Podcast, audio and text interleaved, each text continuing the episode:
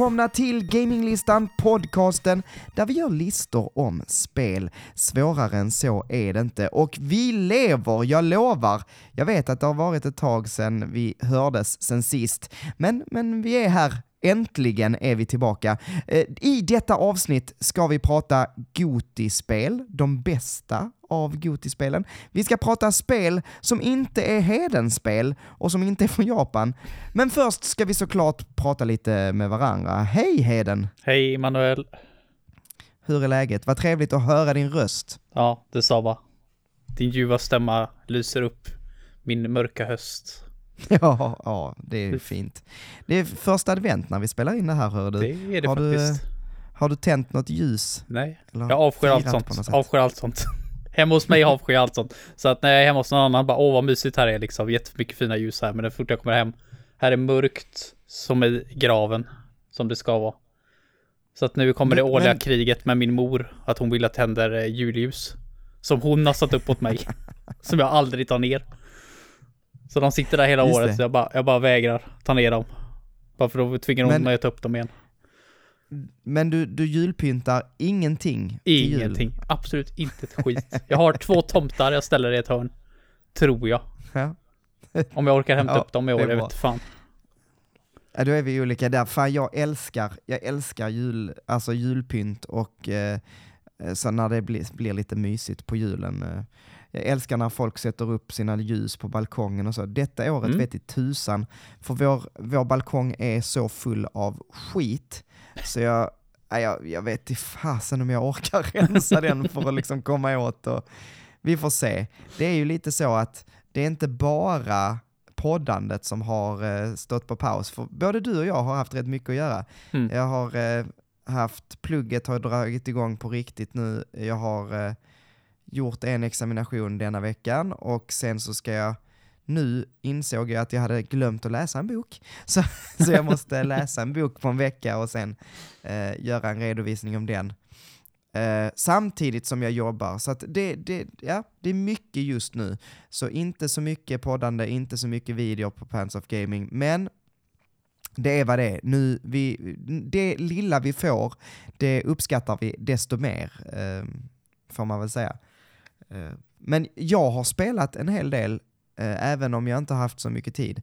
Eh, vill du höra? Mm. Gärna. Ja, ja men vad bra. Eh, dels har jag ju spelat God of War, jag vet inte, vi har inte pratat om det, eller hur? Eftersom det var typ en månad sedan vi hördes sist. Jag kanske nämnde den att jag spelade det i mitt sånt solavsnitt. Skitsamma, jag har spelat God of War. Ehm, det är ett väldigt, väldigt bra spel.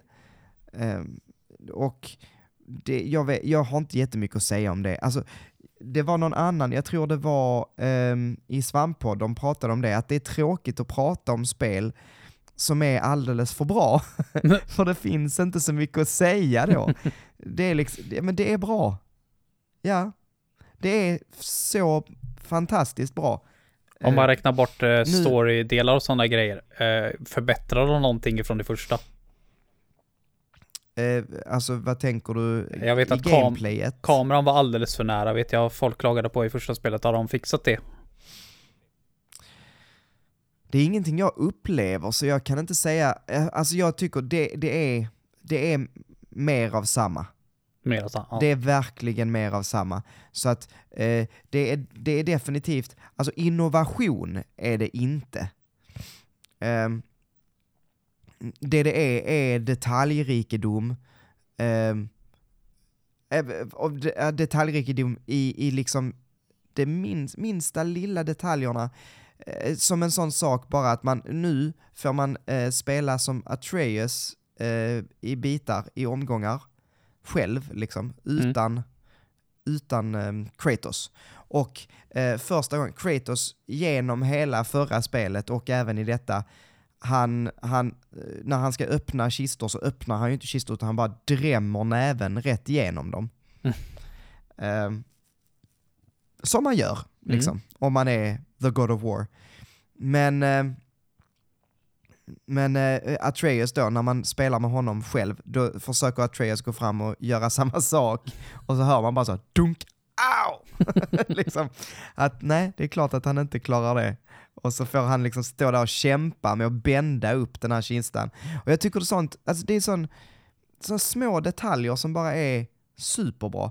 Eh, eller bara som häromdagen när jag spelade så var jag på ett ställe som är lite som en, ja, väldigt grön och frodig skog. Inte djungel, men så fantasiskog med väldigt färgglada färger och det ser väldigt vackert ut. Och då så stod jag på ett ställe bara och eh, hade lagt ifrån mig kontrollen och sen när jag går tillbaka och ska titta, då ser jag hur det står en liten, där står som en liten trädgubbefigur liksom, som står och rör på sig lite i ögonhöjd med mig. Och eh, jag hade aldrig sett den om jag inte hade stannat upp, du vet, för att göra något annat, hämta mm. någonting, ja du vet. Um, och det, där stod den, superdetaljerad. Antagligen så är det, du vet, 50% av de som har sprungit runt i den här världen har inte upptäckt den lilla gubben. Nej, sådana detaljer är så jäkla awesome alltså i spel. Ja. När de verkligen tar sig tid och lägger till sådana detaljer som man kanske aldrig märker. Ja. Nej men så, så att det är, en, det är en väldigt välskriven, väldetaljerad värld. Och sen är det ju det där, ehm, eh, jag vet ju redan nu att jag kommer behöva sitta och, för jag ska göra ett Goto-avsnitt detta året hade jag tänkt. Jag kommer behöva sitta och liksom, är God of War bättre än Elden Ring? Är God of War, är Elden Ring bättre? Alltså det är så två vitt skilda spelupplevelser. Um, och detta är mycket mer på räls, eller vad man säger. Alltså det är ju mm. en berättelse som berättas. Uh, så det är ju mycket mer, uh, det är inte lika fritt och det är, och jag kan tycka det är bra. Um, jag gillar det. Um, och sen är det andra saker som är bättre i Elden Ring. Äh, men du vet, så jag, jag, äh, det är vad jag sitter och tänker på nu väldigt mycket. Men vi får se. Mm. Men, eh, jag, jag har inte så mycket att säga om God of War, mer än att jag tycker det är fantastiskt. Det är typ det bästa jag spelat i, i år. Typ. Kanske det bästa jag spelat i år. um, det jag sen ville prata om, det är ett spel som jag bara tog ner lite på måfå för jag såg att det hade släppts på switchen. Um, släpptes i år, har legat uh, free to play, höll jag på att säga, inte free to play, utan early access uh, sen typ 2019 tror jag. Oj. Men det är Rogue Legacy 2. Har du koll på det här spelet? Nej. Uh, jag, känner, igen, jag känner igen namnet, ja. Ja. Rogue Legacy 1 har jag spelat väldigt mycket. Och eh, Vad var det, det till? Är, eh, ja, det har jag också spelat till um, Switch, men det släpptes först på alltså Steam, typ PC mm. tror, skulle jag gissa. Men ja, äh, det är ett så roligt spel. Rogue Legacy 1 är jätte, jättekul. Man, äh, det är ett klassiskt roguelike. Eh, eh, eller kanske säger man roguelite nu också. Eh, alltså, du, du springer in i en dungeon, ska ta dig så långt som möjligt och sen så dör du och eh, när du återuppstår då så är det inte den karaktären du sprang in i utan det är dens barn eller dens, eh, vad säger man, släkt som tar vidare. Eh, och varje gång du spelar om så det här barnet, eh, eller släktingen, har liksom lite andra, eh, ja men man ärver liksom lite olika vad säger man, traits, alltså mm. um, egenskaper. Så du kan till exempel få någon som är färgblind och då är hela spelet i svartvitt. Du kan mm. få någon som eh, kanske um, ja men man, man, får lite olika, det, ibland är det så monochromatic, då blir det sepia. Alltså, men det är inte, det där är inte eh, det enda, alltså att det ändrar färg på spelet, utan vissa, vissa kan gå på spikar utan att eh, göra ont. Andra, eh, Eh, jag spelade nu, eh, och det finns med i Rogue Legacy 2 också, jag spelade till exempel nu någon som eh, var jäkligt stark och bra så, men när, så fort de blev, tog skada så fick de panikattacker, vilket gjorde att man inte kunde slå på typ två sekunder. Eh, så varje gång de tog skada så var man tvungen att liksom vänta ut deras panikattacker. Eh, och det var någon som hade, eh, vad heter det, egocentrisk. Eh, vilket gjorde att, att typ eh, allting som inte var i närheten av dig var liksom suddigt eller otydligt för att det, Mm. var, det var din karaktär som var viktigast. ja.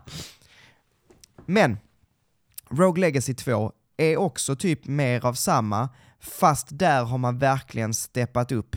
Grafiken är mycket, mycket snyggare, världen känns mycket, mycket större, eh, man har utvecklat uppgraderingssystemen eh, så att eh, man, man får man kan, man kan köpa rustningar och vapen och sådär, precis som i förra spelet.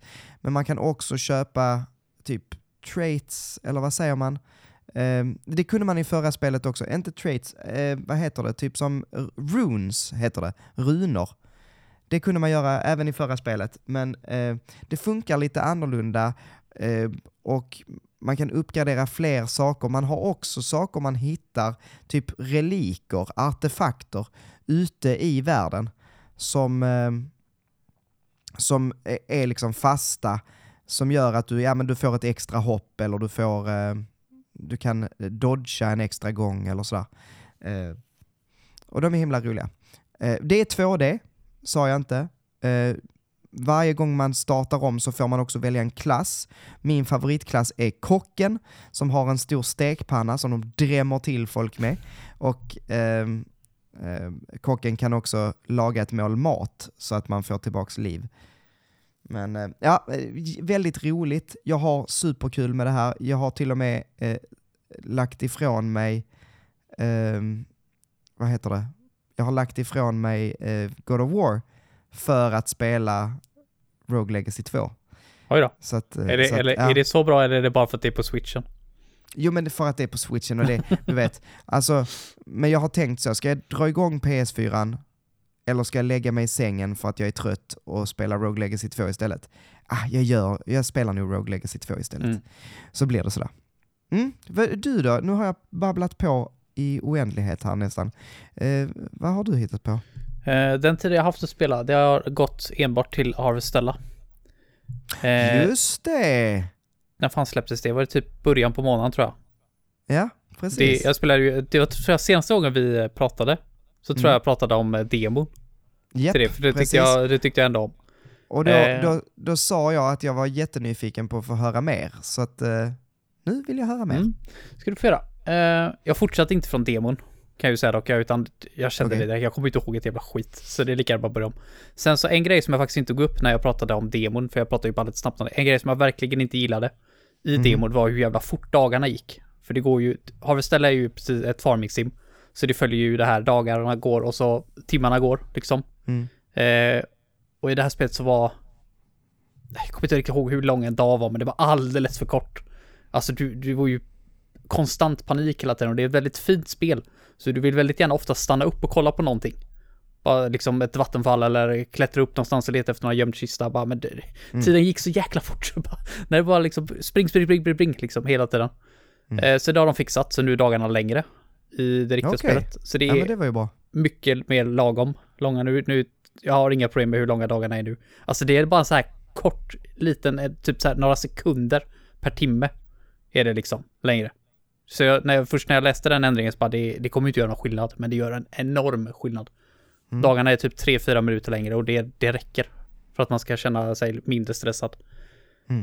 Eh, men om man ska lägga Harvestella i ett fack, så det är ju lite Rune Factory-aktigt. Det är ju ett action-RPG från Square Enix. Det är väldigt Square Enix-aktigt grafikmässigt och du samlar, du ska typ gå till fyra olika elemental crystals, typ. Så att, ja, Mm. det märks att det är Square Enix. Känner vi igen det eller? Typ så. Nu kallas de ju inte crystals i det här spelet, utan de är... Och jädrar, nu tappar jag vad det är för något. Men det är typ kristaller man går runt i som styr, som styr världen. Eh, Ja. Men Ja, man, det, visst är det så att man måste gå till dem för att få de här eh, årstiderna att skifta och liksom ehm, för att inte quietus ska bli större och större. Var det inte något sånt? Nej, det kanske jag skulle tagit storyn också. Det, man, Ja. hamnar ju, man hamnar ju i en värld eh, under quietus och det är liksom en årstid, eller en dag är det faktiskt bara. Det är en dag mellan årstiderna. Eh, där, man, där inga utav människorna kan gå ut, för det är liksom dödligt. Eh, och du, du svimmar den och blir räddad och får en egen gård. Som man får i de här spelen. Eh, och Ja. sen så är det ju liksom, det är ett riktigt RPG skulle jag säga, med en riktigt bra story. Det känns Men- inte som ett farming, liksom sim. Utan det är ett riktigt RPG, bara det att du följer timmar varje dag, så som du gör i ett farming sim. Mm. Eh, och du har en gård att hand om. Men oftast så brukar det vara att du, du tar hand om gården det första du gör på morgonen. Eh, vattnar allting, plockar upp alla crops, gör, gör det du ska göra där med alla djur. Och sen så går du ut och så spelar du ett Final Fantasy-spel. Fast det är ett, ett action-RPG ska det här sägas då. Men det känns väldigt Final Fantasy-aktigt. Eh, och sen när du liksom, när du märker att oj nu är klockan mycket, då varpar du dig tillbaka och så tar du hand om det lilla sista på gården innan du går och lägger dig. Ja, Så om man skulle säga att ett Rune Factory-spel är 50% RPG, 50% Farming Sim, så skulle jag säga att Harvestella ligger nog på 80-20. just det. Jag hörde, jag hörde nämligen, ehm, jag hörde Speljuntan var det va? Eh, prata om det här. Hon, Mm. ehm, åh, jag minns inte vad hon heter, eh, skitsamma. Men ehm, ehm, de sa också det typ att det var väldigt mycket, ja men, ehm, väldigt mycket mer action och RPG och inte så mycket eh, farming sim. Nej, och hon tyckte det var lite synd. Och att eh, liksom farming sim-delen inte egentligen har så mycket eh, påverkan på spelet. Att ja, men det är bra för att göra typ någon potion eller så, men, men det ger dig inga jätteboons. Eller Nej. vad tycker du om det? nej, jag håller helt med. Alltså man hade kunnat ta bort hela Farming Sim-delen. Helt och hållet. Det hade inte Ja. gjort någon skillnad på spelet överhuvudtaget. Det är bara det att det är kul. Det är kul liksom att, att ha ett litet break i spel. Jag tycker att det finns nästan inga genrer som passar så bra som RPGs och Farming Sim. I mina ögon. Det, alltså de, de går så jäkla bra ihop. Det är liksom det här laid back, chill, var, jobba på farmen liksom och sen ut i dungeons och slåss mot fiender. Men i Rune Mm. Factory så hänger allting så mycket bättre ihop. Där är liksom det, allting hänger ihop med varandra. Om du jobbar Mm. på farmen så får du stats för det. Som du levlar upp och blir starkare. Som hjälper dig när du är ute i Dungeons. Och när du är ute i Dungeons slåss så blir du starkare där också. Och det hjälper dig på din farming så att du kan hålla på och jobba där längre. Och där hittar du monster som du kan ha på din farm som kan hjälpa dig med crops. Så att allting hänger ihop. Här hänger det ingenting ihop med det. Men Harvestella är sin egen grej. Jag liksom insåg det tidigt att du kan inte jämföra det här med något annat farming. Det här är en egen grej. Och tycker du om RPG så som jag gör så är det här ett fantastiskt spel. För storyn är ju otrolig. Jag förväntade mig inte ingenting av storyn. Men den är riktigt, riktigt bra. Eh, och det här Quietus är supermysterious. Alltså, jag är ju typ 40 timmar in i spelet och har ingen aning fortfarande var Quietus kommer ifrån. Quietus har, jag har bara varit med om det dessutom en Mm. gång. För jag är på Summer 27-28 och den kommer liksom sista dagen i månaden. Och sen när det slår Mm. över till en ny säsong då liksom försvinner Quietus igen. Och vad du gör under Quietus är att du klättrar ner i en dungeon som är jäkligt slappgjord. By the way, det är typ, de har tagit delar utav andra dungeons och slått ihop. Eh, så att, nej, ganska, ganska tråkigt, men ändå så här, vad, vad ligger i botten av den dungeon? Alltså, man är intrigued hela tiden och tar reda på mer om den här världen, för Så det du, är... du kommer längre och längre ner liksom varje gång? Precis. Du kommer ju, nu, nu vet jag i och för sig inte, men jag är ju fruktansvärt mycket starkare än vad jag var för en månad sedan. Så jag kommer ju breeza Mm. igenom, liksom tills jag kommer längre ner. Och det är superintressant och det, Mm. storyn har de ju verkligen kämpat åt med, för det är ju, det är ju time travels och jätte sci-fi-aktigt, så man, man liksom bara, what the fuck händer? För man möter en tjej i Mm. ett tidigt spel som heter Arya, och hon är från framtiden. Hon har åkt tillbaka i tiden annan, hon har ingen aning om varför. Så det är liksom, Mm. det är en stor del av storyn, att ta reda på vad hon gör där och man bor tillsammans med henne. Vilket, eh, nu spelar jag ju som en female karaktär, men hade man spelat som en manlig karaktär så var det lite awkward. Och sova liksom precis bredvid varandra. Visserligen i varsin säng, men jag vet inte fan. Liksom en, en random tjej bara kommer in och bara bor med någon random kille hon aldrig har träffat innan, det är awkward. Och det vill jag väl ändå säga också att eh, karaktärsdesignen är jätte, jättefin, verkligen jättefantastisk. Men jag tror att väldigt många är besvikna på att man får, man får göra sin egen karaktär i början. Men du har väldigt lite Mm. val. Och ska du spela som en manlig karaktär så kan du ju glömma att se manlig ut. För den manliga karaktären ser ut som den kvinnliga karaktären. Med lite, med lite större armar.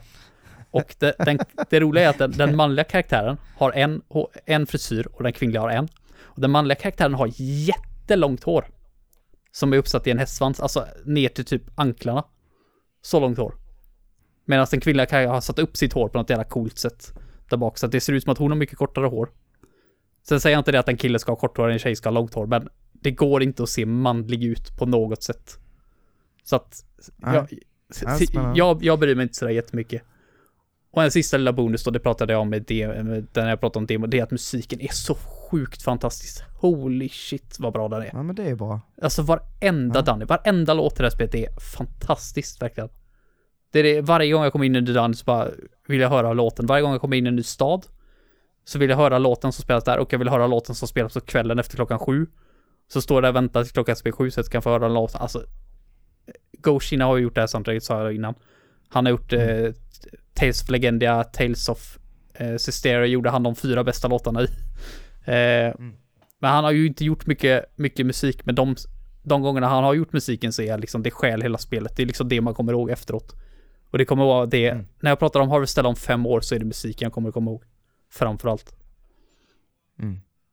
Men då, då skulle jag tolka dig som summering, inte jättebra, men inte heller jättedåligt. Nej. Alltså, det, ett, ett adekvat rollspel, inte så bra farming sim. Är Alltså det- far, farmingen, eller- är, farmingen eller- är helt okej, bara att det, som, som hon sa i den andra podden som jag håller helt med, det bidrar ingenting till, till storyn. Och sen Battle Systemet kunde varit mycket bättre. Det är ett action-RPG där man byter klasser och så här och det byter, olika, byter, byter kläder varje gång man byter klasser. Men Mm. det är inte djupare än så. Du, du kan liksom inte göra stora jävla feta combos. Och allting hänger på ett stamina-system som är lite smått irriterande, så du måste äta grejer hela tiden för att hålla uppe den stamina-mätaren.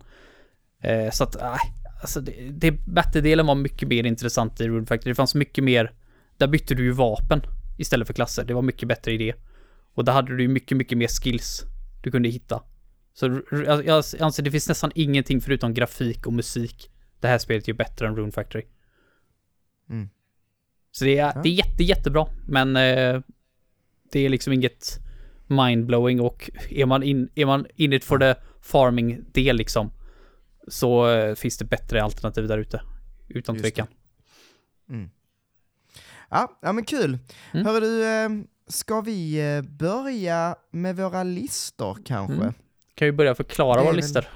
Framförallt. Ja, vi, vi kan väl göra det. Jag tänker att vi först säger det här är Gaminglistans utmaningslistor! Wow! Åh jädrar, jag drog i där nu. Jag har sparat en månads woo för det. Alltså, det roliga är att när du drar i, nu vet jag inte, du kan, du kan lika gärna ha gjort bara uh, för att det hördes ingenting här i mina lurar. Nej, Jag, kan tror att det pikar jag, pika, jag pikade lite grann, gjorde jag. Ja, okej. Ett pikat woo. Men bra, då, då, kan jag, då kan jag bara så här, eftersom jag kommer göra, höra det sen när jag editerar, så kan jag göra ett oj, oj, oj, vilket jädra woo, Heden. Och så kan jag klippa bort det andra sen. Det kommer jag inte göra, men, Nej. men, eh, men ja. Hörru du, Mm. vem ska börja tycker du? Vill du att jag börjar eller ska du dra igång med Det din? spelar absolut ingen roll. Nej. Jag... Eh, Jag lägger allt ansvar på dig. att Bestämma. Ja, nej men jag tänker att eh, du skulle kunna få börja Heden. Mm. Eh, och, men då vill jag först bara ställa den där frågan som alla tänker på nu. För att eh, din, eh, din utmaningslista du har fått, det ska vi också säga, att vi ställde ju frågan till er lyssnare, eller framförallt ställde vi frågan på Discord. Där kan man gå in eh, och eh, gå med och då kan man eh, påverka det som händer här när vi eh, spelar in lite då och då. Men på Discord ställde vi frågan vad ska vi göra för listor? Och då fick du eh, topp fem icke-heden-spel. Och Mm. vad betyder det? Jo, Jag vet, jag vet inte riktigt själv. det, men eh, jag Nej. tog det som så att det, det får inte vara ett RPG. Och det får inte vara Ja. japanskt. Framförallt. exakt. Alltså, men, men vi kan väl börja med, vad är din typ av spel? Eh, ska vi börja där? Ja. Eh, jag antar att det är färgglada RPGs från japanska utvecklare. I guess. Euro Eh, Visual Novels? Ju, ja, jury absolut. Eh, Vision Novels. Kommer inte vara några Vision Novels på den här listan. Eh, eh, jag, jag skulle väl tro att det är lite... Jag tog, jag tog det den enkla vägen ut i det här fallet. Eh, så att det jag satte grundregeln att det får inte vara japansutvecklat. That's it, typ. Det, Ja. det är topp fem spel jag tycker jättemycket om som inte är utvecklare från Japan. Ja, men precis, okej. Ehm, så då vet vi ungefär vad vi har att gå på här. Mm. Ehm, jag, jag tänker bara låta dig eh, dra igång helt enkelt. Mm. Det kan jag göra. Uh, så se. Det var ganska enkelt, men precis innan vi skulle börja spela in här så kom jag på ett spel jag hade missat och då föll allting ihop. Uh, lite grann. Så att, men nu har jag fixat till det. Och på femte plats där har jag ett spel som verkligen inte är ett hedenspel. Jag vet inte varför jag tycker så mycket om det här, men det är så fantastiskt. Och det är SSX 3. Mhm. That's some good shit. Alltså jag avskyr sportspel. Det är typ det värsta jag vet. Det och Är det- FPS. Bara, Är men, det det som finns på PS2? eh, ja. Eh, Stämmer, stämmer alldeles utmärkt. Jag har spelat GameCube-versionen dock, men jag tror inte det är Ja. någon större skillnad. Eh, SSX on Tour kanske du kommer ihåg också, det som kom efter 3. Där i GameCube-versionen så kunde man spela som Mario, Luigi och Peach. ja. Jäklar vad skumt det var. Just det, just det, just det, just, just det. Ja, det minns jag. Mm. Nintendo hade ju någon konstig grej där med EA att sätta in Mario, Luigi och Peach i sina sportspel. På Mm. den tiden. Eh, men väldigt, väldigt kul bonus. Men SSX 3 är ju bäst för att där har du ett stort berg du åker på. Det är lite open world-aktigt för du kan börja var du vill på eh, det här berget du åker ner för. Och så har du Mm. han, eh, nu har jag glömt vad han DJn heter, men han är så jäkla bra den här DJn som pratar, för du har en radio som går på hela tiden. Och han pratar lite grann om eh, vad för olika event som händer runt omkring på berget och han pratar lite grann om en, ja, olika tävlingar man varit med i och så här. Det, det, gör, det är en så jävla immersion att bara åka ner för det här berget. Mm, just Det- det. Det är roligast, det är bland det roligaste finns bara sätta sig högst upp på berget och bara åka hela vägen ner. Ja. Och bara liksom dra upp poäng.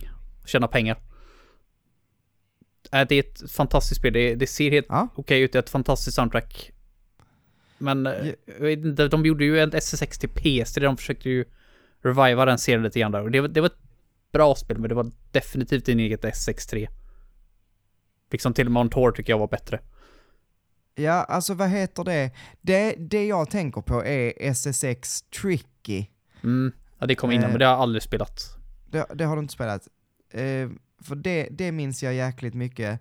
Eh, jag spelade det ehm, rätt mycket. Men ja, just det, SSX 3 ser ut så där ja. Ja, Mm. men det är, det är väldigt likt. Jag väldigt tror jag har likt. spelat SSX 3 också. Mm. Eh, Tricky var väl mer att man skulle göra mer trick och mer, Mm. var, det, var det det man hoppade genom ringar och grejer? Det var lite mer, ska man kalla det overkligt? Oh. Jag vet inte.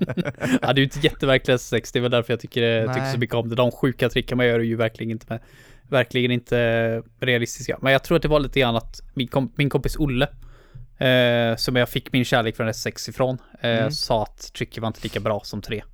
Så att jag har Okej. aldrig riktigt haft någon intresse för 3. Eller för Tricky, no. Nej. Men jag har hört jättemånga som tycker att det är bra också, så att Fan, om jag hittar det billigt någon kanske jag plockar upp det. Ja, Jag hade behövt spela igenom de här igen, alltså, för jag minns inte riktigt. Jag har aldrig ägt dem själv, men jag vet att jag har testat dem och tyckt att de var roliga. Eh, Så det hade varit kul att spela dem igen, liksom nu med vuxna ögon så Ja. att säga. Jag tror säkert du kan få tag på PS2-versionen ganska billigt. Ja, säkert. Jag tror att eh, On Tour är väl också lite värt att spela, men jag kommer ihåg att jag tyckte det var så jäkla irriterande, för där tog man ju upp en sån här trick meter och sen när den var i topp, så varje gång man gjorde ett trick så gick allting i slow motion. Och liksom när du sitter där och gör ett trick som är typ så här 30 sekunder långt, bara för att åka typ 5 meter och sen göra ett till trick som är 30 sekunder långt, bara, det, det är ju det tjötigt som fan. Och varje gång du gick i slow motion så, så tog den bort musiken. Och det förstör också hela grejen. Liksom när du satt där och rockade till den här jävla bra låt liksom så det, bara, det var ju inte coolt då längre med den här där slow motion effekten. Nej. Det var ju jätteirriterande bara, så det, det var det som höll det tillbaka lite grann. Ja, Nej, ja men bra serie. Bra, bra val. Ja. Mm. Vad Eh, har du på nummer fyra? ska jag göra hela min lista med det på en gång?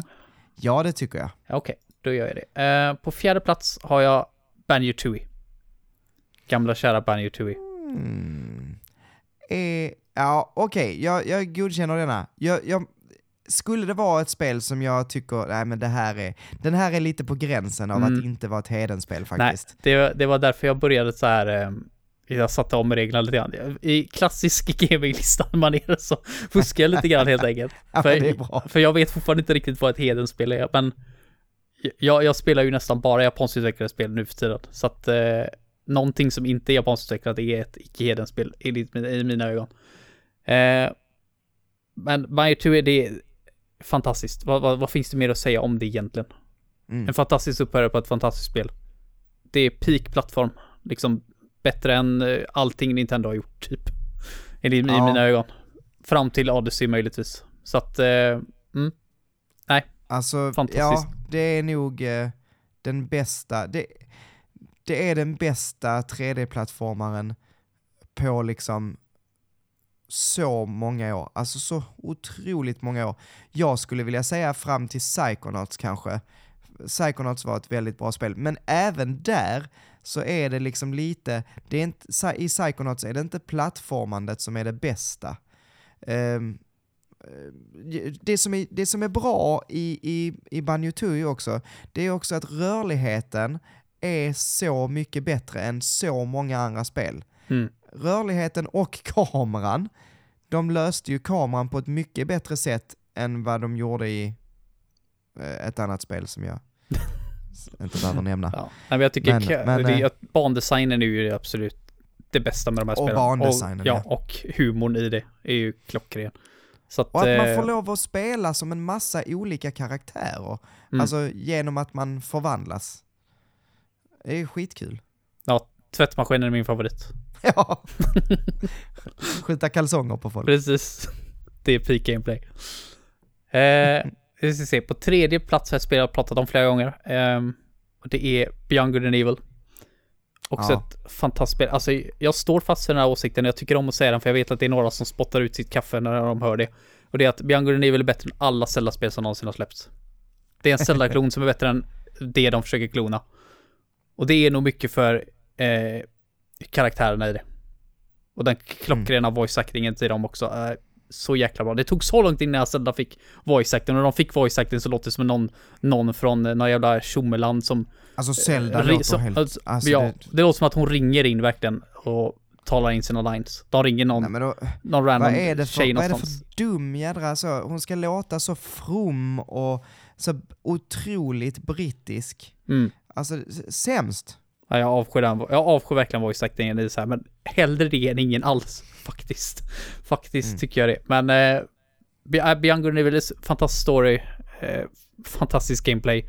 Det här med kamera, kameran till också, ta på kort på alla gömda djur runt om i världen. Det är sjukt kul. Det är lite mm. kort. Det är lite för kort. Det märks att de fick slut på budget där i slutet och liksom bara var tvungna att knyta ihop säcken snabbt som fan. Men det som är där är bra. Och jag hoppas att, jag, att det kommer ett Beyond Good Evil 2 som är bra innan jag dör. Väldigt liten risk, ja. men eh, jag hoppas. Hoppet är det ja. sista som dör. Ja. Förhoppningsvis så att det inte är jag som dör sist. Nej, det är bra har, för... Har jag berättat det att jag spelade lite, jag har ju det på 360, mm. eh, och vi var, under höstlovet så var vi på, eh, var vi i, eh, ja, vår sommarstuga i Småland. Och nu har jag lämnat min 360 där, så att eh, så fort vi åker ner där så ska jag sätta mig och spela lite mer Beyond Good and Evil liksom. Eh, jag kan ju också spela det på min Series X för att jag delar, det är ju så online mm, digitalt. Ja, men eh, men det, är, det är nice att ha den 360 där. Och så, jag spelade ett par timmar, typ första dungeonen, typ. Mm. Eh, mysigt, mysigt. Så nu, nu, när du ändå slänger upp en Beyond Good Evil story, det är nästan så att jag får ta en, så det, det, är en så jävla mysterium i det här, med det här spelet. Det är, jag har ett minne, ett väldigt starkt minne, så jag är 99,9% säker, jag har inte drömt det här. Men i den staden, du vet, eh, Hyllis, är det mm. väl det heter, det är det världen heter, den staden där i alla fall. Där kan man gå in på ett ställe där man inte behöver gå in så ofta, det är mitt emot där man brukar gå in, där man ska till baren. Så kan du åka till andra sidan stället, jag tror det finns ett race där, bland annat grejer. Men där fanns ett ställe med en plattform på, lite högre upp, ett typ fönster. Eh, på. Mm. Och jag vet att det fanns en låda. Och den knuffade jag. Så att, den ställ, mm. så att jag knuffade ut den en liten bit, hoppade upp på den och sen lyckades ta mig upp på den här jävla plattformen. Som jag är rätt säker på att man inte ska kunna ta sig upp till. Och i okay. där så kunde jag gå in i det fönstret, kom till en laddskärm och spelet kraschar. What? Och jag, jag har försökt flera gånger under åren och bara söka upp det här på YouTube för jag tänker, där någon måste ju ha hittat det här. Så jävla svårt var det inte för mig att hitta det. Men jag hittar ingenting på det på YouTube och jag har aldrig haft energin till att stoppa i, liksom koppla i mitt GameCube och testa och se om det funkar. Eller om jag bara drömt upp det här. Så om det, är det någon som är riktigt inne i Beyond Good Evil nu så får ni gärna kolla upp det. DMa mig så ska jag hjälpa er så mycket det går. För jag måste få reda på om du det är kanske sant. har någon- hittat, hittat en, liksom, en egen bugg. Ja, jag, har hitt, jag har hittat jättemånga buggar. Det finns en jättegammalt YouTube-klipp eh, från när jag var med i ett forum. 2006 tror jag det var typ. Där jag, jag hittade en bugg när jag var hemma hos Olle och spelade så här, där man kunde ta sig utanför eh, kanten på världen. Man kunde liksom åka ute fritt på havet. Så la jag upp den så var det en som gjorde en remix på den eh, filmen jag gjorde. För den, den filmen vi filmade med våra gamla mobilkameror på den tiden var inte jättebra. Eh, så jag har alltid hittat buggar i det spelet innan. Men just, just det här vet jag inte. Det här är så weird. Det var så mystiskt. Men det stämmer ju även för man har ju hört jättemycket historier så här om att det var jättemycket content som inte kom in i spelet bara för de hade inte tid. Och den här, Mm. att det finns en laddskärm här då som de inte tog bort men som inte leder till någonstans längre. Det makes sense. Det gör det. Men det är en så cool Mm. grej om det är sant. Men det finns ingen dokumentation om det och det stör mig något fruktansvärt. Alltså sluta vara så jävla dåliga på att hitta buggar folk. Bara för fuck's sake hitta dem. Jag ska inte behöva hitta dem åter. Va? Nej, det är, det är mystiskt. Hjälp mig någon. Please. Jag är för lat för att göra det själv. Eh, Vidare då. Där kanske du inte heller riktigt tycker om att jag är på listan, men på andra plats har jag Ban- Banjo Kazooie. Nej. Ah, nej. Du har fuskat många mer gånger än mig. Du har fuskat många Ja. mer gånger än mig. nej den där, men den var jävligt dålig Ja. måste jag säga. Den var, den var lite Men väl Banjo dålig. Banjo Kazooie är bättre. Så är det bara. Och det roliga var att det spelet jag knuffade ner från listan på sjätteplatsen nu, det var Donkey Kong 64, så det hade inte gjort så mycket skillnad. Oavsett. Ja, men du kan få prata om Donkey Kong 64 istället. Nej, jag bara skojar. Nej, kör, kör, kör. Ja, men vad finns att säga? Jag tycker att Banjo Kazooie är bättre. Jag tycker det har en... eh, Det är mer fokus. Alltså, Banjo Kazooie är så jäkla stort på något sätt. Alla världar är så enormt stora. Av ingen anledning. Liksom. De, det är mindre världar, men det är mycket mer att hitta. Alltså, mycket mer dens saker att hitta i Kazooie. Jag tror det är därför jag gillar banorna mer i det spelet. Om du jämför banorna från Kazooie med de i Kazooie så är Kazooies banor enorma. Verkligen. Med varppunkter på sig liksom. Så stora de är. Så Mm. att, mm, nej jag föredrar Kazooie bara av den enkla anledningen egentligen. Det är, de är typ lika bra. Oavsett Ja. vilken du spelar så kommer du ha kul. Ja, jo men så är det ju. Och det är lite därför det är ett skittråkigt spel att ta. För Mm. att de är, det är typ samma spel. Ja, det har nästan inga brister alltså. Det, jag, Nej. äl, jag älskar det spelet. Um, men första platsen, det här anser jag inte är ett Hedenspel för fem öre, men jäklar vad mycket jag har spelat det här spelet och jädrar vad då kul får jag, då. Kan du gissa? ja jag tror det. Mhm.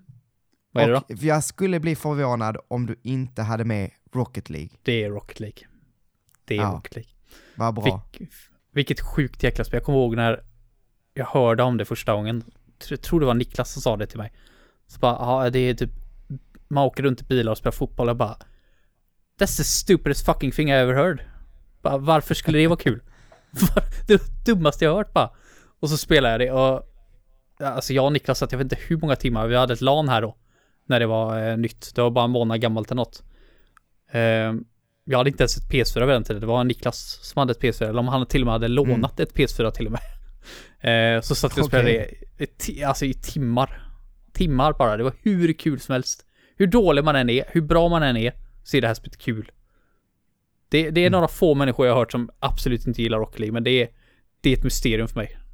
Hur man inte kan tycka om Rocket League. Det är så jäkla kul och det är ju typ det, det an, anledningen till att jag inte spelade så ofta nu för tiden, det var för att det, det var typ det enda spelet som alla hade eh, i kompisgänget. Så att skulle Mm. vi spela någonting så var det alltid Rocket League.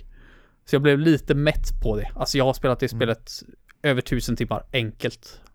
Mm. Så att, När var senast du spelade nu då? oj. ehm, tror det var i typ december förra året. Så nästan ett år sedan. Okej. Mm. Men varje gång man plockar upp det sitter ju lite grann utav det här kvar. Den känslan man har. Men man är ju fruktansvärt mycket sämre. Alltså det, det är väl därför också Ja. att det är så frustrerande att du blir jättebra. Sen så tröttnar du. tappar allting. Det är lite grann så som jag börjar få panik med Tetris nu, för det är ju det här nyårslöftet som jag har. Ja, ja. Så en månad kvar på mig. Jag är inte lika, lika, lika körd som du är, visserligen, men... Ja, eh, jag ska säga dig det, att jag har spelat lite mer legospel. ja, jag Eh, såg det och jag bara, alltså, spelar du det frivilligt nu? För du kommer ju aldrig hinna spela färdigt alla legospel. Nej, det är min son som sitter och spelar. Ja, okej. Det, det är inte jag. Nej, okej. Makes Och- sense faktiskt. Men, men jag spelar ju med honom för att jag, jag får ju hjälpa honom Mm. lite. Men, eh, men, och då blir det ofta så här att han sitter och spelar första banan på liksom olika spel om och om och om igen. Mm. Eh, Men han tycker det är väldigt roligt. Så att, eh, ja. Kanske kunde ge honom något roligare och spela en legospel. Han, ja men han är också fyra. Så att, eh, När jag var Ja. fyra år, Nej, men- då spelade jag Zelda 2. Det, ja, det, det, men- det, det är det du får igen, Zelda 2. Så Alltså han får lite skinn på säga, näsan när vi var fyra så var Zelda 2 fan inget bra spel att spela. alltså de här eh, legospelen är ju skitbra för honom. Han, han har kul med det. det, det han lär sig grejer och lär sig att åh nu står det kryss, kan jag trycka på den här knappen med ett kryss på då? Ja det kunde jag, wow, då hände det saker. Så att det är bra på det sättet, han lär sig faktiskt att, att spela spel samtidigt som han spelar. Så det, det är bra. Skitsamma, det är inte det vi ska prata Nej. om. Va? Rocket League alltså. Vad finns, vad finns det att säga? Det är ett klockrent spel. Alltså, jag tycker inte om sportspel. Mm. Tycker inte om bilspel. Tycker inte om fotbollsspel. Men Rock League, holy shit vad bra det är. Det är Mm. extremt beroendeframkallande. Extremt lätt att plocka upp bara spelarna matcher. Eller sitta och spela i ett fucking 10 timmar i sträck. Tills du förlorar någon match och ragequittar liksom. Det är det. Jag har, jag har lite som du säger där, lite problem att spela online och ranka upp så här. Det är, jag tycker det kan vara lite frustrerande, men jag har gjort det så mycket i det här spelet. Jag har haft så kul med det. Så att, mm, Mm. nej, få ihop ett gäng kompisar så att spela med, då, då är det skitkul, verkligen. Klockrent. Det bästa Mm. icke-hederspelet jag någonsin spelat. Rocket League. Ja Mm. men det var väl bra. Okej, Okej, nu kan du få Ehm, förklara din lista. ja, eh, för nu var det så här, det var ju, jag glömde ju säga det innan, men det var ju Karl, Karl Wrangel, a.k.a. Barry Baronen, ehm, som eh, gav oss de här tipsen. Tack för det Karl. Eh, Tack Karl. det, det jag fick, det var att jag skulle lista topp fem Goti-spel genom tiderna. Alltså, ja, jag antar att det är det han menar. Jag ska se vad han skrev exakt, lite mer exakt. Um, nu tog inte jag fram det, det var ju jättebra. Och så funkar inte datorn. Gud vad störigt. Fem bästa Goti någonsin. Fem bästa Goti någonsin. Det är ju väl, väldigt öppet, får man väl säga. Eh, Mm. Inte särskilt eh, lätt att förstå eh, eh, där vad han menar. Jo, det, man förstår. Fem bästa Goti. Men eh, Eh, det finns ju väldigt många olika publikationer som delar ut Goti. Eller menar han mina fem Goti, då ska jag sitta och välja då från alla år eh, ett spel först och sen ska jag välja vilka fem, då blir det bara liksom är de bästa spelen genom tiderna. Så att jag ville göra någonting annat. Det jag gjorde var att jag hittade en sån här fandom-sida med eh, så här, väldigt många olika publikationers eh, Goti genom tiderna, så att säga. Eh, och så valde jag ut, så här, här finns liksom The Game Awards, Famitsus, eh, och så står det så 2005, 2006, 2007 och så står det vad de har valt då.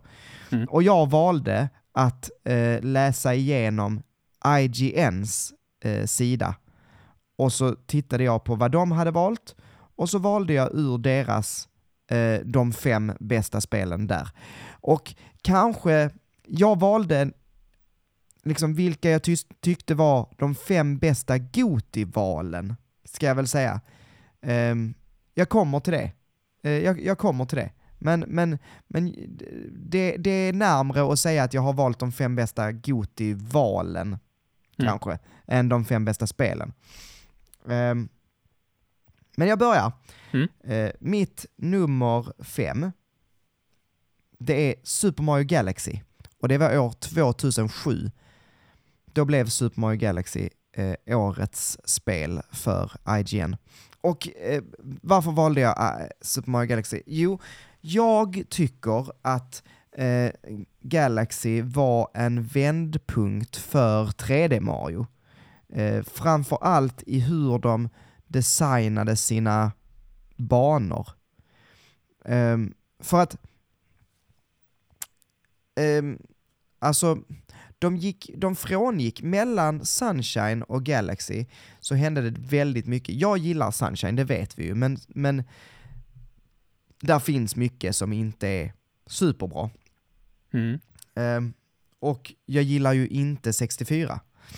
Um, och där finns också mycket saker som inte är superbra. Eh, men det de hade gemensamt, de här två första 3D-Marios, det var ju att det var stora eh, banor, inte så stora som Banjo Kazooie, men det var ju liksom stora banor du rörde dig på, eh, där du eh, ja, men kunde springa runt lite var som. Eh, och så fick du liksom ta reda på vart du skulle genom att bara utforska som en mini, mini, mini öppen värld, kan man mm. väl kanske säga. Mm. Eh, Galaxy gjorde 3D Mario mer linjärt, faktiskt. Fast utan att, att det faktiskt kändes linjärt. Det var, det var rätt lustigt, för att du tog dig liksom mellan miniplanet till miniplanet, eh, och du, du, hade alltid en riktning som du skulle ta dig i. Eh, men du gjorde alltid nya saker. Jag vet inte hur jag ska förklara det här riktigt. Um, alltså förstår du vad jag menar? Du, mm. man, man, man valde ju liksom en stjärna man skulle ta, eller en sån här, vad hette det i, i ja, whatever, vad det nu var man, det var väl stjärnor man plockade? Ja, där också. I Galaxy. Mm. Mm. Um, det, var, det hade inte blivit månar som i Odyssey. Um, men och när du valde en stjärna så kom du ner på den här världen eh, och då eh, sappade man runt mellan olika planeter på de här världarna.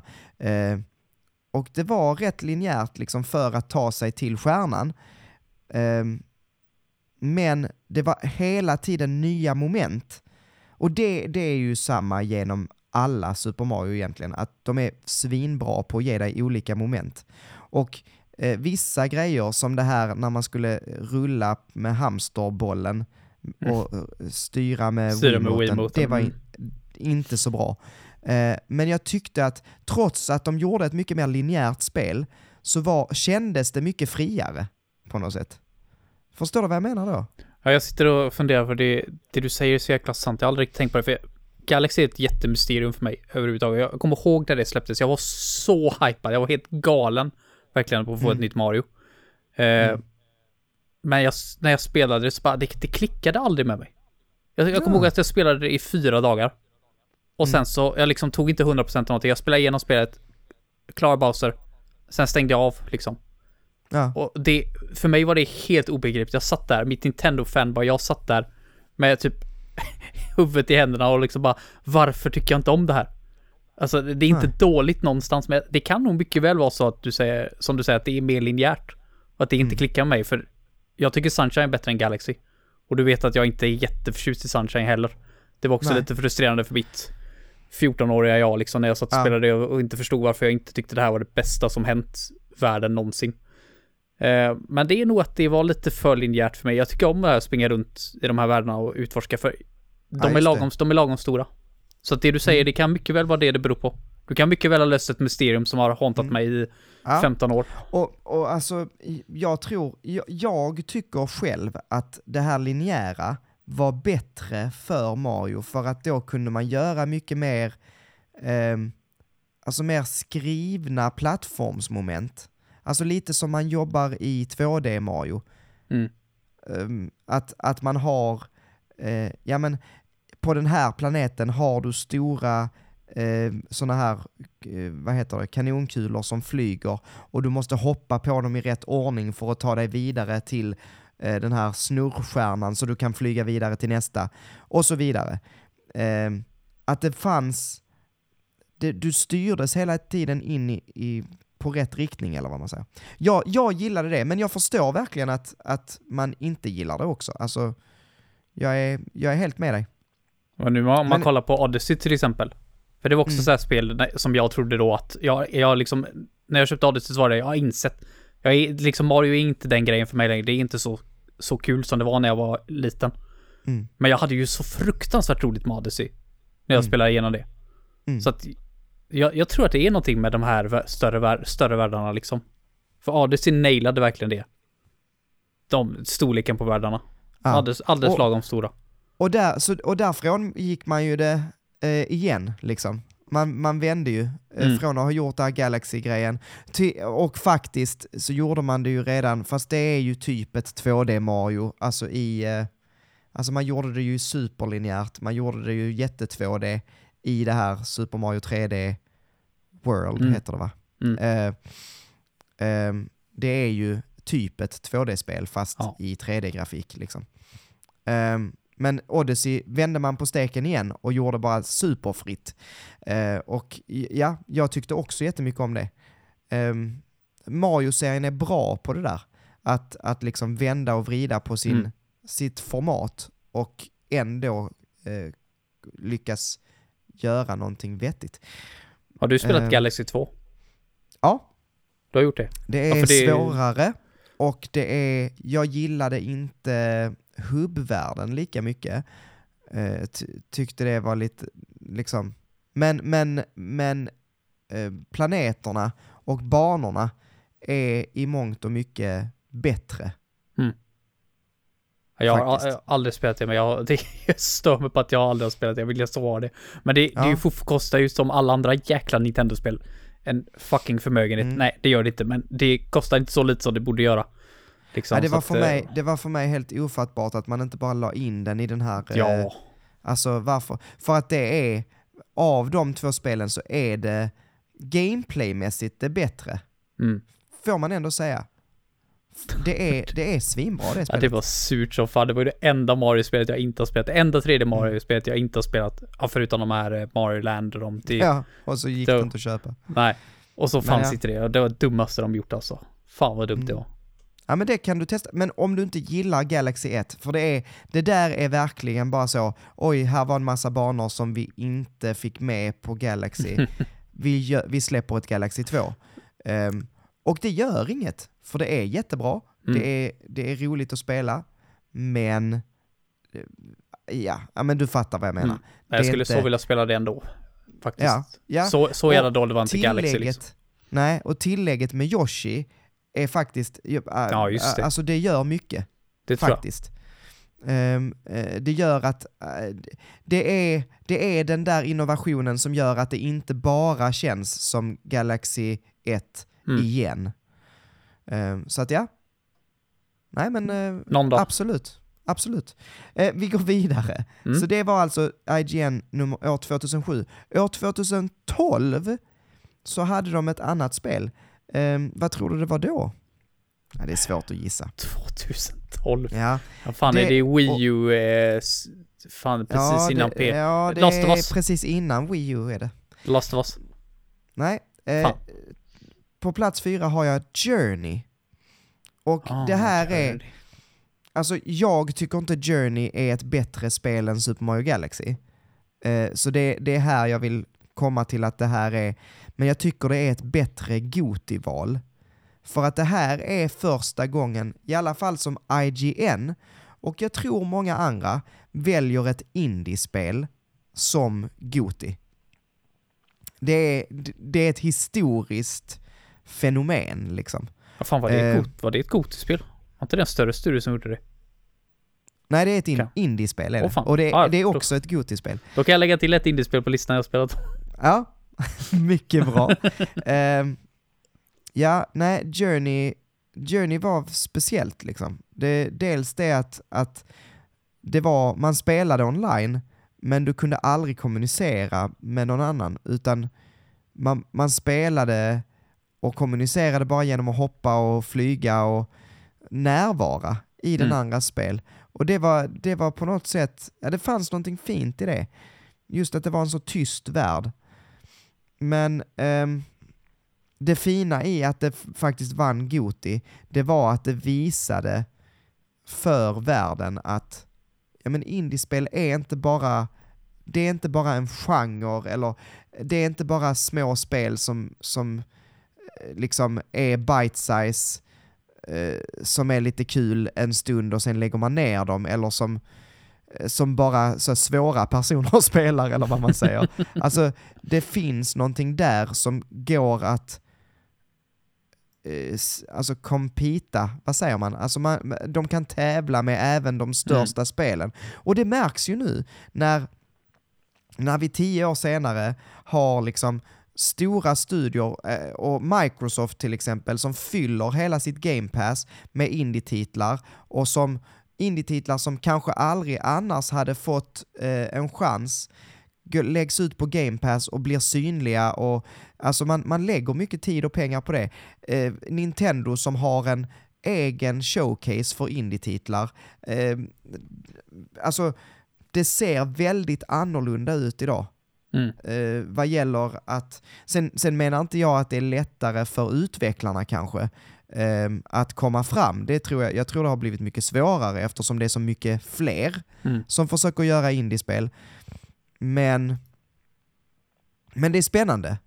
Uh, och jag tror att Journey blev uh, Goti på en så stor publikation som IGN, tror jag är ett av stegen till att uh, göra indiespelet till det det är idag. Så det, därför valde jag Journey. Det och, vad fan heter det, Braid? Ja, Braid och mm. Fess också. Indie Game The Movie, som jag vet att jag har pratat om med Martin eh, Blom, som var med på eh, Pants of Gamings eh, Indie special. Um, Indie Game The Movie var en dokumentärfilm om eh, skapandet av ett par olika indiespel. Så att, ja, alltså, det finns många, men det här, Journey är verkligen ett, en milstolpe, så kan man säga. Mm. Mm. På plats nummer tre, eh, år 2015. Och det är The Witcher 3. Ah. Och, ska, du, ska du spela det nya nu då, uppgraderingen också? Som det pratas om på Discord? Eh, nej. Eh, ja, alltså, nej. nej, det kommer jag inte. jag tycker, jag har satt The Witcher 3 här för att, ja men nu är det typ så att jag, det här är ett väldigt bra spel. Jag tycker det också är roligt att, att IGN faktiskt satte det. Det är en bra Goti-vinnare för att 2015 eh, var ett bra spelår. Eh, om man tittar på vad andra har valt liksom. Eh, men och The Witcher var inte en AAA-titel 2015. Alltså The Witcher 2 hade ju liksom inte... Det, det var en dubbel A PC-titel liksom. Och eh, 2015 släpptes Metal Gear Solid 5, eh, Bloodborne, Fallout 4, och ändå vann The Witcher 3, som var liksom den nya storspelaren kan man väl säga då. då. Mm.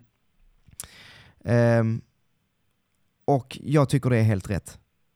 Alltså, av, av alla, spe, alla de här stortitlarna så är det definitivt The Witcher 3 som jag tycker är um, ja, men, som jag tycker är vettigt. som är ett vettigt val. För att det, det Ja men det, det gör, dels så, så gör det någonting som jag tycker många av den här typen av spel gör dåligt. Och det är att den gör sidequestsen intressanta. Du, du kunde, alltså det fanns ingen skillnad. Det var, de, om du gjorde ett main quest, jätteintressant, spännande. Om du gjorde ett sidequest, jätteintressant, spännande. Det var liksom ingen skillnad, du var i den världen. Så att även när du var Geralt eh, liksom mitt i ett main quest så var det superintressant. Och när du var Geralt eh, som skulle dräpa någon eh, eh liksom eh, varulv till någon eh, bonde, superintressant. Ehm, det är få spel som klarar av. Sidequests är ofta, alltså hur många spel har vi inte spelat Heden som bara är liksom fetch quest? Gå till den här personen, ehm, prata med honom. Nej, det, han var inte hemma. Du måste gå till den här grottan. Oj, han eh, måste bli räddad nu. Så jag slår lite monster. Åh, nu räddade du honom. Åh, tack för mycket för den här frukten eller något du skulle skick leverera. Det bästa Alltså- är ju, det var, jag kommer inte ihåg vilket spel det var, men då kommer jag ihåg jag skulle hämta någonting eh, och sen så den grejen jag fick utav det för att klara det questet var den grejen jag skulle hämta. Ja. Så det var liksom bara, mm, tack. Han har jag skulle- gått runt och skulle- burit. Skulle inte du ha de här grejerna? Vad ger du dem tillbaka till mig? Ja, nej men precis. Ja, jag Det- man, man blir lite trött på sånt. Mm. Inte. The Witcher får alltså min tredje plats Goti för att det är så jädra bra. Ehm, ehm, just på sidequests. Men ehm, ja, vi går vidare. Eh, nummer två. Och här, här, jag bytte precis min nummer två och min nummer ett. Oh. Ska jag säga också. Ehm, nummer två ehm, sätter jag God of War 2018. Mm. Ehm, och jag la det här för att jag tycker det är häftigt. Det förtjänade, det, det är också en sån där, 2018 var ett fantastiskt spelår. Och ja, där, eh, så här, Monster Hunter World släpptes då. Mm. Eh, och för många tror jag att det var spelet som vann det året. Eh, Red Dead Redemption 2 släpptes då. Jag tror väldigt många tyckte det var spelet som skulle vunnit. Ehm, Super Smash Bros Ultimate släpptes. Och ja, det är sjukt tror att jag inte det vann. Ja, precis. Men, för min del, Super Smash Ultimate, jättebra, det bästa av sitt slag. Ehm, men jag tycker inte kärnan i Super Smash är det roliga. Alltså, jag vet inte, det intresserar mig inte lika mycket. Det, är min personliga åsikt. Mm. Mon- Monster Hunter World, det bästa spelet i sitt slag, inte min grej. Samma sak där. Red Dead Redemption 2, där tycker jag att Rockstar gjorde för mycket. Det här är, det är också min egna personliga, men det blev så mycket av en simulator så det blev lite tråkigt. Mm. Alltså, ehm, jag tyckte mycket om det spelet, men det var så mycket att göra att jag blev lite överväldigad. Ehm, och jag tyckte mycket mer om Red Dead Redemption än Red Dead Redemption 2. Och jag kan inte förklara det, eller, och jag, nej, jag tror att det beror på just det här att det var så mycket. Och det är ju många som tycker att det är det bra med det spelet. För att det är, det är verkligen så, du kan, du kan ju ha spelat det sedan 2018 och fortfarande inte hittat allt. Och nu är vi på 2022. Mm. Så att... Eh, men för mig så var det rätt vinnare det året helt enkelt, God of War. Eh, och mycket också på grund av att man, man lyckades så väl med att göra om den här otroligt banala, eh, bara kött, alltså du vet, stoppa in en, en tjej i ett kugghjul för att hålla upp en dörr, kött, eh, slakt, spelet. Till att göra det till ett spel som handlade om liksom en pappa och hans son och deras relation och det fanns så mycket mer djup. Alltså, eh, det är som att man skulle köra, göra ett nytt Duke Nukem och så skulle det bli eh, liksom nästa The Last of Us. Förstår du vad jag menar? Ge dem inga idéer. Fuck. Ja men alltså, det, det, det är sjukt. Det, Kratos och God of War tidigare var verkligen inget jag eh, var intresserad av. Och det nya var bara så fantastiskt. Helt rätt val av setting, helt rätt val av röstskådespelare, så fantastiskt välgjort. Eh, att de inte klipper en enda gång är skitcoolt.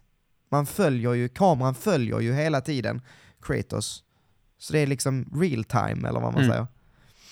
Ehm, så nej. Ehm, ja, det, därav. Nu kommer min etta i alla fall.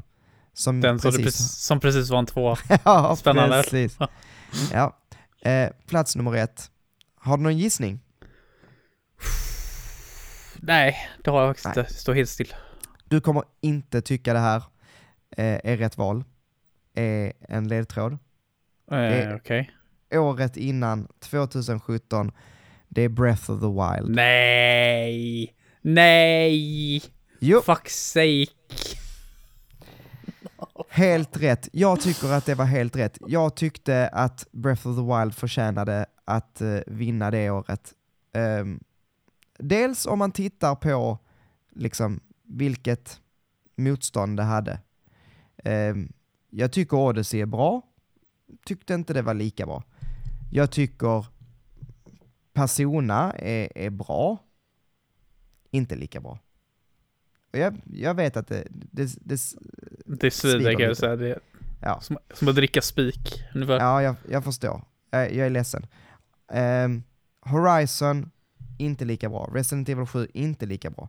Eh, så jag, alltså, att det dessutom var eh, alltså konsol-release-spelet och att, det att det var så bra.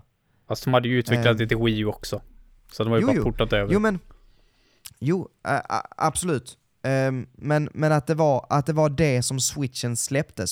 Alltså det var ju the sw- switch-spel. Alltså förstår du Mm. vad jag menar? Mm. Ehm, ehm, och nej, jag, jag... Och sen så tyckte jag att det är verkligen, det är ett helt, precis som med anledningen till att man gillar Wind Waker nu, så är det för att de gjorde något, de vågade göra något helt annat och det blev väldigt bra. Ehm, Breath of the Wild vågade göra något helt annat och det är inte alla som gillar det, jag vet att du inte gillar det. Eh, Jo, jag gillar andra- det. Men folk är helt det. Det är ett, Ja, det är ett solid 8 av 10. Bra spel. Med Ja, men floss precis. i. Men folk får det låta som att det är the best thing ever. Och jag, det kommer jag aldrig förstå. Jag längtar så tills när de släpper Tears of the Kingdom. Som fixar allting i, från originalet. Och så vi Alltså, du slipper måste- höra om Breath du of the Wild måste igen. lugna ner dig. Ja, jag alltså, Jag hoppas Jag- verkligen så. Det kommer aldrig mer behöva höra om Breath of the Wild. Det är bara speedrunners som kommer sitta och spela det sen efteråt. Det kommer bli underbart. äh, jag, jag tror ju inte på att eh, du kommer få din önskan Nej, förmodligen, uppfylld. förmodligen Det, inte. det är väl, eh, jag, jag tror du har lite för höga förhoppningar. Lite för höga jag- förhoppningar. Jag vet inte, jag tyckte, jag tyckte att, alltså det här, det här som man pratar om, eh, och som man pratade om mycket då, you can go anywhere, det var svincoolt. Alltså man kunde ju verkligen gå var som helst, när som helst. Ehm, och och det, det är jäkligt häftigt. Ehm, jag gillade det. Sen så gillade jag, jag gillade världen, jag, jag håller med i kritiken, ehm, men, men tycker inte det är så farligt som vissa tycker, att det är tomt och dött. Ju- jag håller med att, att det är stora vidder och att det kan vara tomt på sina håll, men, men jag håller inte riktigt med om att det är dött. Eh, utan Ja, jag det är tycker ju snarare... på sina ställen. Nej, ja, men jag tycker snarare att det är... Ja, men det är alltså... Nej, jag, jag tycker det är en väldigt väldesignad värld. Um, ja, det, det, är min, det är min take på det. Men, och jag, jag föll för det pladask och kan fortfarande ta upp det ibland och spela det och eh, liksom ha väldigt, väldigt roligt med det. Så ja, nej det, det, är, det är verkligen min nummer ett. Och jag tyckte verkligen det förtjänade. Jag vet, jag kanske la det där lite för att det är lite kontroversiellt, för att du tycker Det är väl lite inte. inte så kontroversiellt, men varje gång någon nämner det här jävla spelet så hör jag det där blink, blink, blink, blink, för att man börjar närma sig, börjar närma sig en jävla sånt shrine, och sen kommer du in dit så är det Trial of the Sword, nummer fem! Yay! Och så går du in i de här dungeonsarna och så är det de fyra sämsta dungeonsen i Zeldas historia och folk får det här att låta som att det är the best thing ever för att jag har en stor värld. Please, snälla, snälla säg att Tears of the Kingdom är, fixar allt det där så jag aldrig mer behöver höra om Breath of the Wild igen. Please, Nintendo, please, I'm begging you. I'm begging you! Åh, jag har fått det ur mitt Ja. system. Fan. Ja, Ja, Jävla nej, men, eh, så där var, har vi det. Breath of the Wild, det bästa spelet någonsin, alltså.